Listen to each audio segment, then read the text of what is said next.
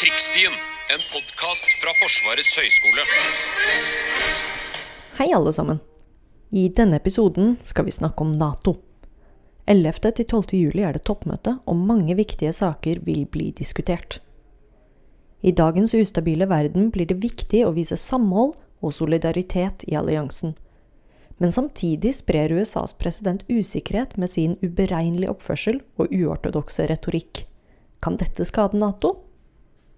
I episoden får du høre hvor mye innflytelse Trump faktisk har.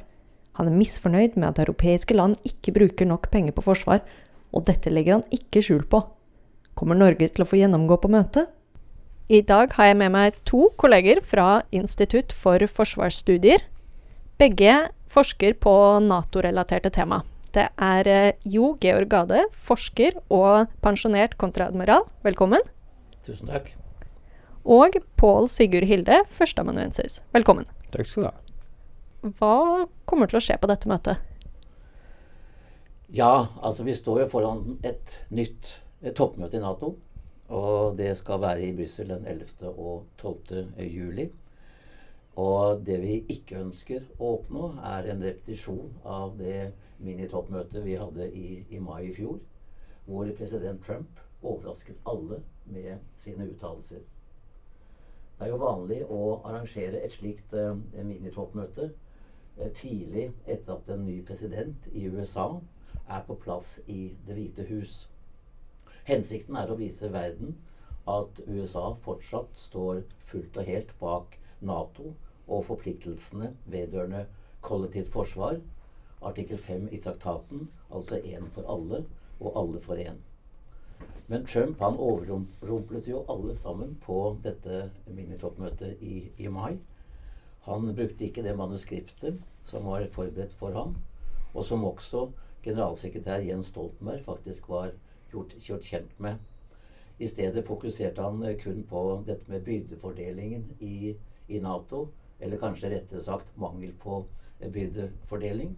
Han påpekte med rette at uh, USA i en årrekke har dekket en uforholdsmessig stor del av Natos utgifter, og at europeerne generelt ikke har investert nok i egen sikkerhet. Og det er kun et fåtall medlemmer som oppfyller målsetningen om å bruke 2% av bruttonasjonalproduktet på Forsvaret.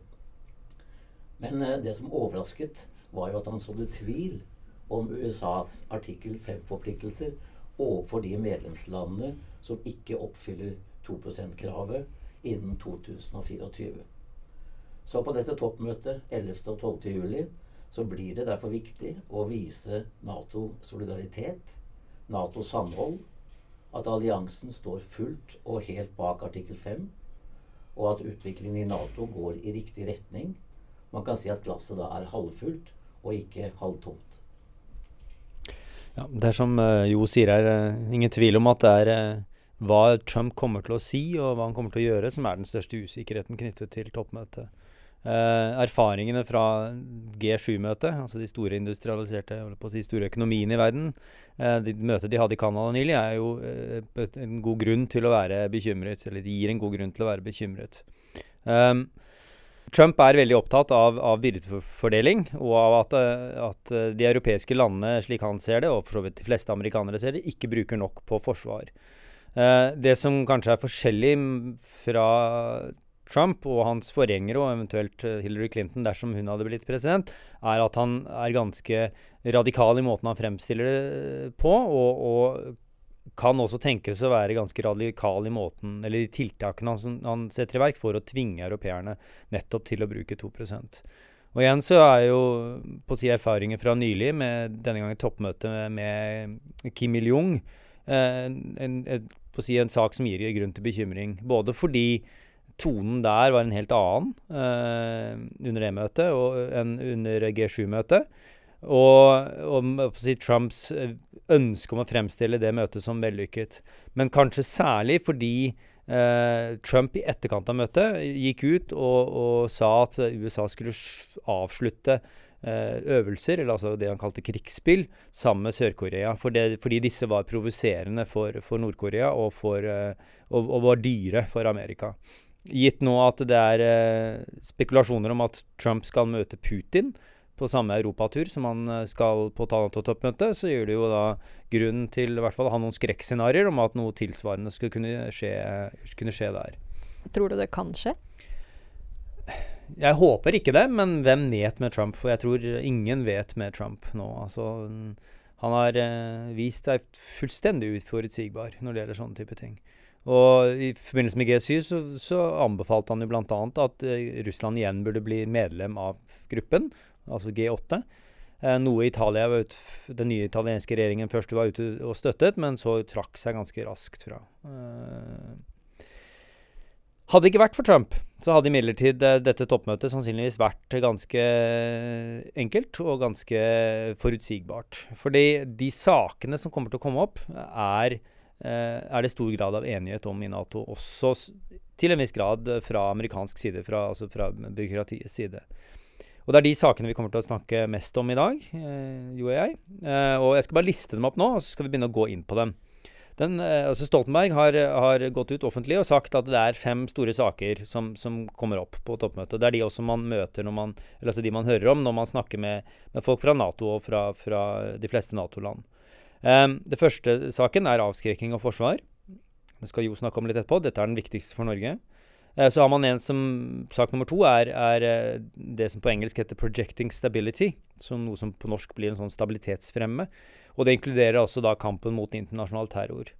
Tredje sak er uh, forholdet mellom Nato og EU. Fjerde er modernisering av alliansen. Og den femte, og siste saken, er byrdefordeling, som er altså den som, som opptar Trump mest.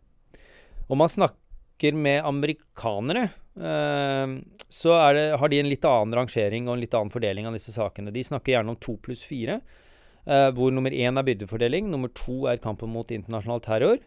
Det er de to viktigste. Og så er det da fire saker som ligger inn under denne eh, overskriften avskrikking og forsvar. Og Der er det Natos kommandostruktur, militær mobilitet, Natos beslutningsstruktur og beredskap, eller det man, de kaller da readiness. Um, så det er altså en litt annen vektlegging av stort sett de samme sakene, men, men det viser jo da USAs prioriteringer fram mot, uh, mot, toppmøtet. Ja, som du nevnte, Pål, så er jo dette med avskrekking og, og, kollektivt forsvar er jo i manges øyne kanskje den viktigste saken på toppmøtet, ikke minst sett fra norsk ståsted. Og det, jo, det, skyldes jo selvfølgelig Russlands eh, oppbygging av, av Forsvaret og ev deres evne til å forflytte stående styrker raskt og over store avstander som har gjort at man kan eh, stille spørsmålstegn ved Natos evne til å fremføre forsterkninger over Atlanteren og internt i Europa. Så Derfor så legger Nato nå større vekt på dette med sjømakt og eh, det maritime. Natos kommandostruktur skal eh, revurderes og styrkes. Det opprettes et nytt felles operativt hovedkvarter i Norfolk i USA med fokus på det maritime og eh, transatlantiske forsterkninger fra USA til Europa. Og for bedre å kunne ivareta militære eh, forflytninger internt i Europa etableres det en felles logistikkommando i Ulm i Tyskland. Forsvarsplaner er oppdatert, og det vil bli lagt større vekt på å øve disse planene. Og den første testen får vi jo nå eh, til høsten med den store øvelsen Trident Juncture i, i Norge. Videre så har også USA fremmet et uh, beredskapsinitiativ som de kaller 4 ganger 30. Og hensikten med det er å bedre Natos evne til å deployere sine styrker i tide.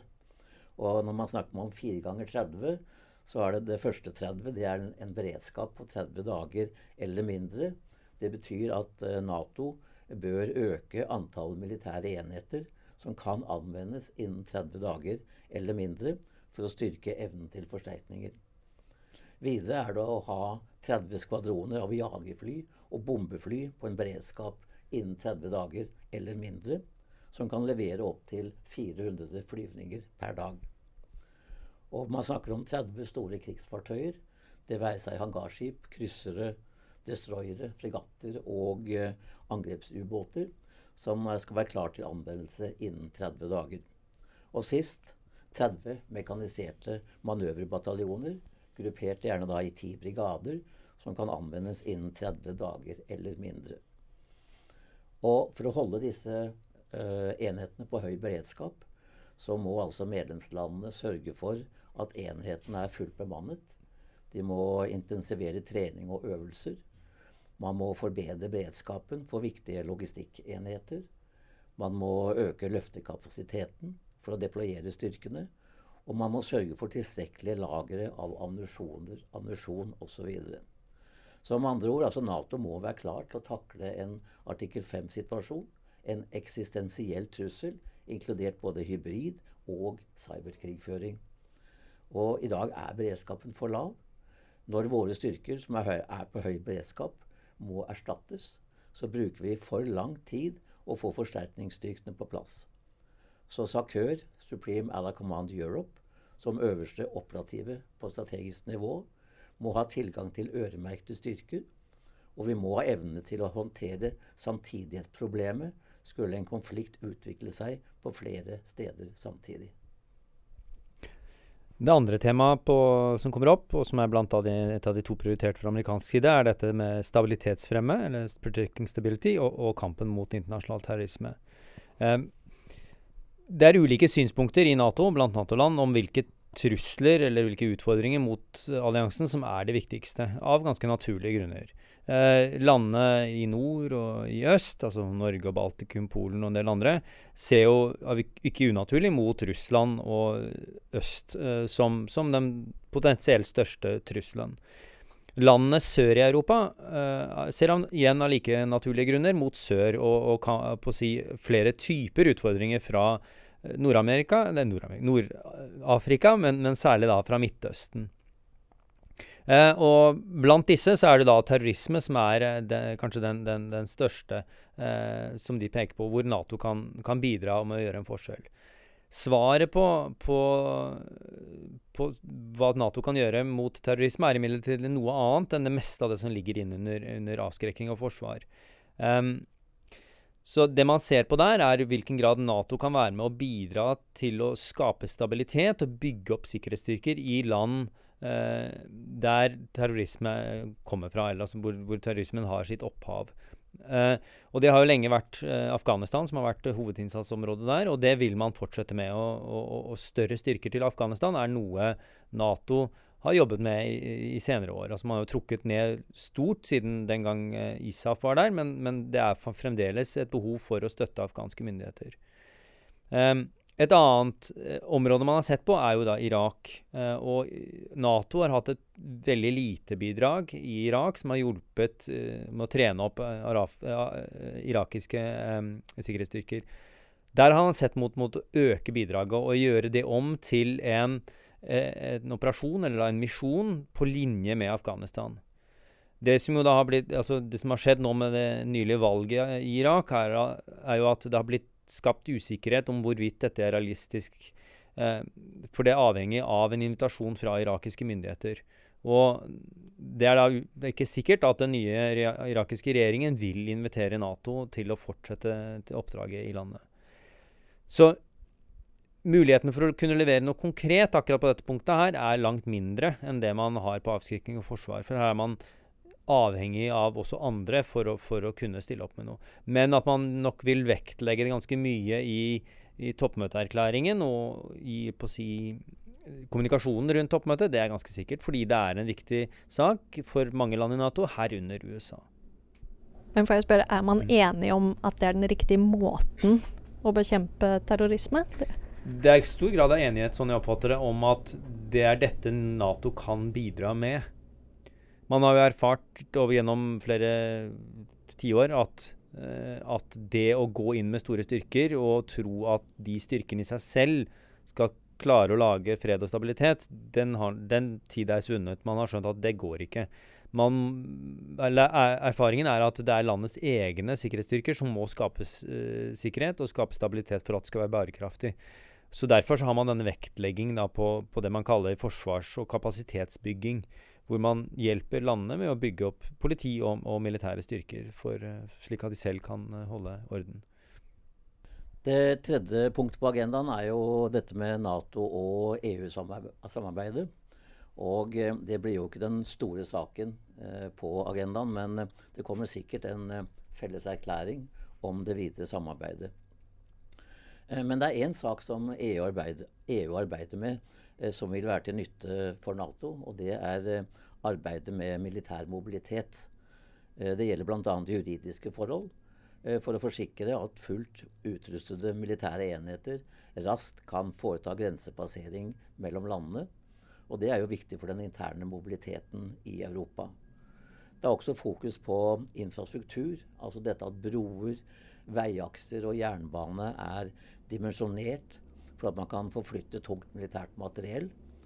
Så det er i Natos interesse at EU eh, e bruker ressurser på å bedre slik infrastruktur. Imidlertid så er det jo enkelte EU-medlemmer eh, og som ikke er medlem av Nato, som stiller spørsmål om det er riktig å bruke EU-midler til å støtte Nato. Eh, den uh, fjerde saken er da modernisering av alliansen. Uh, og det er delvis ganske teknisk, så jeg skal ikke gå så veldig mye inn på dem. Men på den ene siden så dreier dette seg om kommandostrukturen, som, som jo også var innom under avskrekking og forsvar. Men det gjelder også en, en, modernisering av arbeidsprosesser på Nato-kvarteret. Der man ser både på måten Nato jobber på, herunder de to stabene, den sivile og den militære staben, og hvordan de samarbeider. Men også hvilke mekanismer og hvilke beslutningsprosesser som ligger i allierte land at, altså, som må til for at Nato skal ta beslutninger.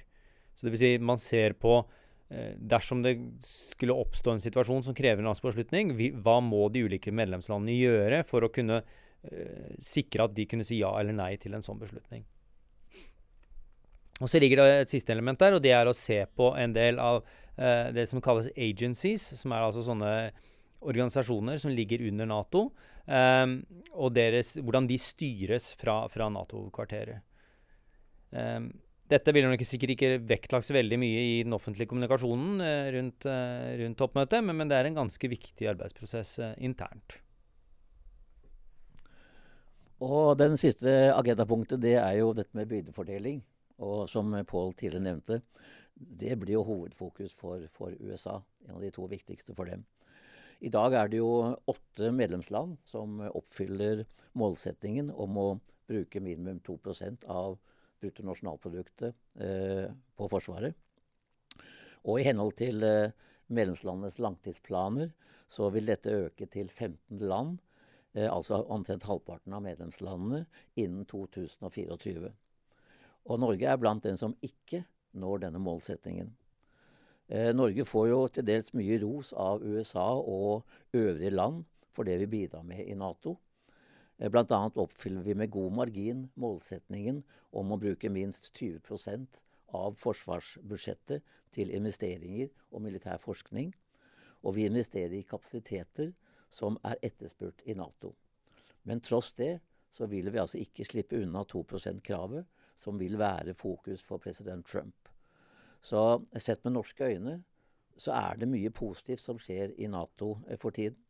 Fokus er på artikkel 5 og transatlantiske forhold, som er viktig for Norge. Og det er jo håpet da, at man på toppmøtet nå 11. og 12. juli vil være i stand til å vise samhold og solidaritet, og fremheve den positive utviklingen i Nato. Mye vil være avhengig av hvilke uttalelser president Trump kommer med, og det er det vel ingen som vil vite før selve møtet finner sted. Da dere var i Brussel, opplevde dere at det var samhold der, eller at det var stemningen?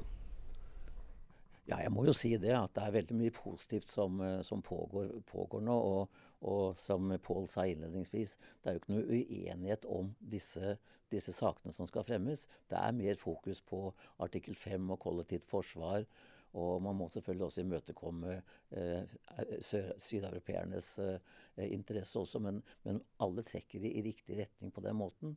Det store usikkerhetsmomentet er som sagt eh, Trump, og det fikk vi vel også erfare eh, fra den amerikanske, fra de amerikan amerikanerne vi møtte, at det er veldig uforutsigbart. De vet altså ikke hva som vil komme til syvende og sist.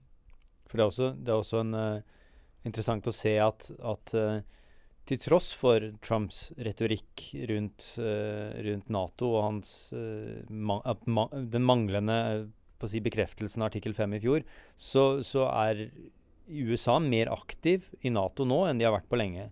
Det var det flere som sa til oss når vi var i Brussel. At, at bl.a. Dette, dette initiativet med den 4 ganger 30 som, som Jo snakket om, er et tegn på at det er, det er USA og Pentagon som, som er veldig uh, på, en, en pådriver. Um, så sånn sett så igjen, hadde det ikke vært for Trump, så hadde dette her vært eh, på mange vis gode dager for, for Nato, med USA i en ganske klar lederrolle. Men så er det da denne store skyggen, eller denne store skyen over, som, som skaper usikkerhet for alle involverte. Men hvor mye ugagn kan egentlig Trump gjøre? Ganske mye. Eh, altså han kan iallfall forsinke prosesser og, og, og forvanske prosesser. Um, fordi en av de viktigste tingene USA gjør nå, er at de gir Altså det er avsatt masse penger eh, til forsvar. Altså det er nesten like mye som det norske forsvarsbudsjettet er satt av fra USAs side til å, til å støtte amerikansk tilstedeværelse og militær aktivitet i Europa. Eh, det kan eh, Trump neppe stanse, fordi det er Kongressen som har, eh, har eh, bevilget de pengene, og kan insistere på å bevilge de pengene, men han kan forsinke det og forvanske det. Og så kan han øh, tvinge det amerikanske forsvaret, som han nå gjorde i, i, i Korea, til å, til å begrense sin virksomhet i, Europa. Og det vil være, bli oppfattet i hvert fall som veldig uheldig i Europa. F.eks. Altså, det som skjer i Norge nå, med, med den økte tilstedeværelsen av uh, marinekorpset. At, at Trump kan lage problemer for det hvis han skulle finne det for godt. Og det er jo, altså Man skal også være klar over at det er jo ikke med urette at uh, Trump uh, påpeker dette med 2% Det ble jo Alle er jo enige om dette. her, Det ble jo godkjent på Wales-toppmøtet i, i 2014. Og, og han har helt rett i at europeerne har brukt for lite på, på eget forsvar, forsvar og, og, egen sikkerhet. Men det er liksom måten du formulerer det på, og, og skaper usikkerhet. Så vi har jo sett også bl.a. at uh, amerikanske forsvarsministeren uh, Jim Mattis eh, har jo prøvd da å kan si, moderere litt uttalelsene, og, og, slik at man ikke skal stå igjen med det eh, ut, eller inntrykket av at eh, man kan stille et spørsmålstegn med artikkel 5. Så vi får håpe nå da altså at eh, Trump også kan følge opp de, den, den, den, retningen der.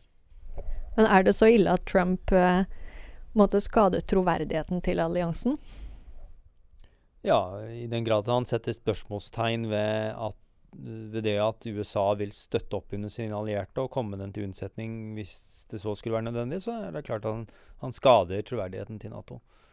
Og om ikke annet så skader han i hvert fall solidariteten innad i Nato. Og, og, og samholdet i alliansen. Hvor man jo også ser at det er en del land i Europa som har gått i en retning som man kan kalle mindre enn demokratisk. Eh, på en side Tyrkia, men kanskje i akkurat denne, dette tilfellet mer sånn sett urovekkende Ungarn og Polen. Som, som, også ser ut til å Og for så vidt nå også Italia med, med, valget. Hvor de ser og legger seg tettere opp mot Trumps populistiske linje enn en mer sånn tradisjonell uh, Hva skal vi kalle det demokratisk linje i Nato. Og det skaper, for, det skaper problemer for, for uh, alliansen, fordi den jo siste instans er på å si, basert på demokrati og på en del verdier som, som alle i utgangspunktet skal være enig i. Men vi er jo vel i utgangspunktet enige om dette med 2% Ja, det, det, var jo en enighet om at man skulle tilstrebe å komme mot 2% innen 2024. Så det var jo ikke en sånn veldig eh, steinhard forpliktelse. Og det var jo nettopp fordi det var en del land, herunder Tyskland, eh, som, som, var tydeligst på det, i hvert fall, eh, som forsto at de klarer jo ikke å komme til 2 Og det er Ei heller Norge har jo noen plan for å komme til 2 Og det er ingenting som tyder på at Norge har politisk vilje eller et politisk ønske om å faktisk komme til 2% innen 2024. Og Det betyr jo altså at Norge er et av landene som kan få gjennomgå av Trump hvis, man, hvis han velger å gå tydelig ut mot flere land enn Tyskland. Ja, du tror det? Ja, det tror jeg. Og der tror jeg faktisk kan spille inn at Norge har eh, Altså Jens Stoltenberg er norsk. At det kan trekke uh, Trumps oppmerksomhet mot Norge. Men disse andre landene som lover å nå 2% hvor troverdig er det? Nei, Det kan du jo stille spørsmålstegn med. For én ting er jo å legge planer. Uh, det er jo Ligger du på sånn 1,6-1,7, så er det jo ganske lett å lage langsiktige planer som gjør at det ser, ser ut som du kan nå 2 uh, i 2024. Eh, så vi får se hvor, hvor, realistisk det er. Det er jo som sagt åtte som har nådd det nå. da, og, og det er det som er fremlagt på bordet i hvert fall. Alle, alle nasjoner har måttet fremlegge sine langtidsplaner uh, for, uh, for, på, på, Nato for å prøve å nå dette her. Så vi får se. Det er vanskelig å si det. Mm. Ifølge det vi ble fortalt i Brussel, så er det en del land som ikke har troverdige planer, hvor plutselig utgiftene øker voldsomt fra 2023 til 2024. Og det er ikke troverdig. Man kan ikke plutselig putte masse penger inn i Forsvaret. Uh, det samme, ville vært tilfellet i Norge hvis man plutselig økte det norske forsvarsbudsjettet med 16 milliarder fra et eller annet, så ville jo bare pengene blitt brukt til tull og vas. For det, man klarer ikke å omsette så mye midler til noe fornuftig uh, på, på kort sikt. Så det må være en opptrappingsplan. Og Derav også følger det at det er vanskelig å se for seg at Norge vil klare å komme til 2 selv om man begynte å jobbe med det nå. Da måtte man begynne til neste år, for å si det sånn. Dere nevnte at den viktigste saken for Norge er uh, forsvar og uh, avskrekking. Hvorfor det? Nei, du kan jo bare se på geografien vår, da. Og ikke minst, hvis du, du skal ikke gå så veldig mange år tilbake, altså under den kalde krigen, så hadde vi jo da hadde vi jo ferdige planer med, med forsterkningsplanlegging, med amerikanske styrker, med tyske styrker osv. Alt var planlagt hvor de skulle komme inn og forsterke oss. Vårt, vårt uh, formål i, i, Norge var å, å, holde en eventuell fiende på en armlengdes avstand lenge nok til at Nato uh, kunne komme oss til unnsetning.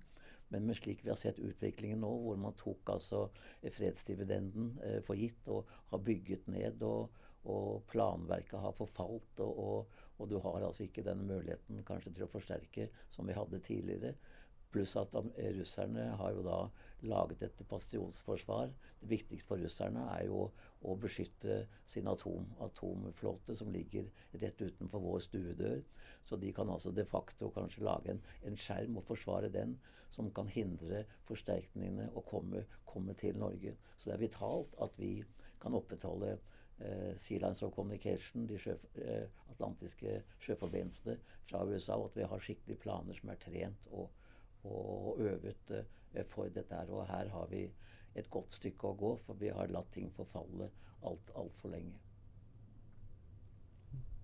Så De viktigste sakene for Norge i oppkjøringen mot toppmøtet nå har nettopp vært omlegging av kommandostrukturen, som, som Jo snakket litt om, og, og denne vektleggingen, av det nye synet på det maritime i Nato. Og På begge de punktene så har, har, man fra norsk side, eller oppfatter man fra norsk side at man har fått godt gjennomslag for, for synspunkt som man har. Så Sånn sett så er eh, Norge godt fornøyd med, med toppmøtet som på rent saksnivå. Eh, tror jeg. Med det så takker vi dere to, Pål og Jo. Takk for at vi kom. På Krigsstien er en podkast fra Forsvarets høgskole og er tilgjengelig på iTunes, Soundcloud og våre hjemmesider.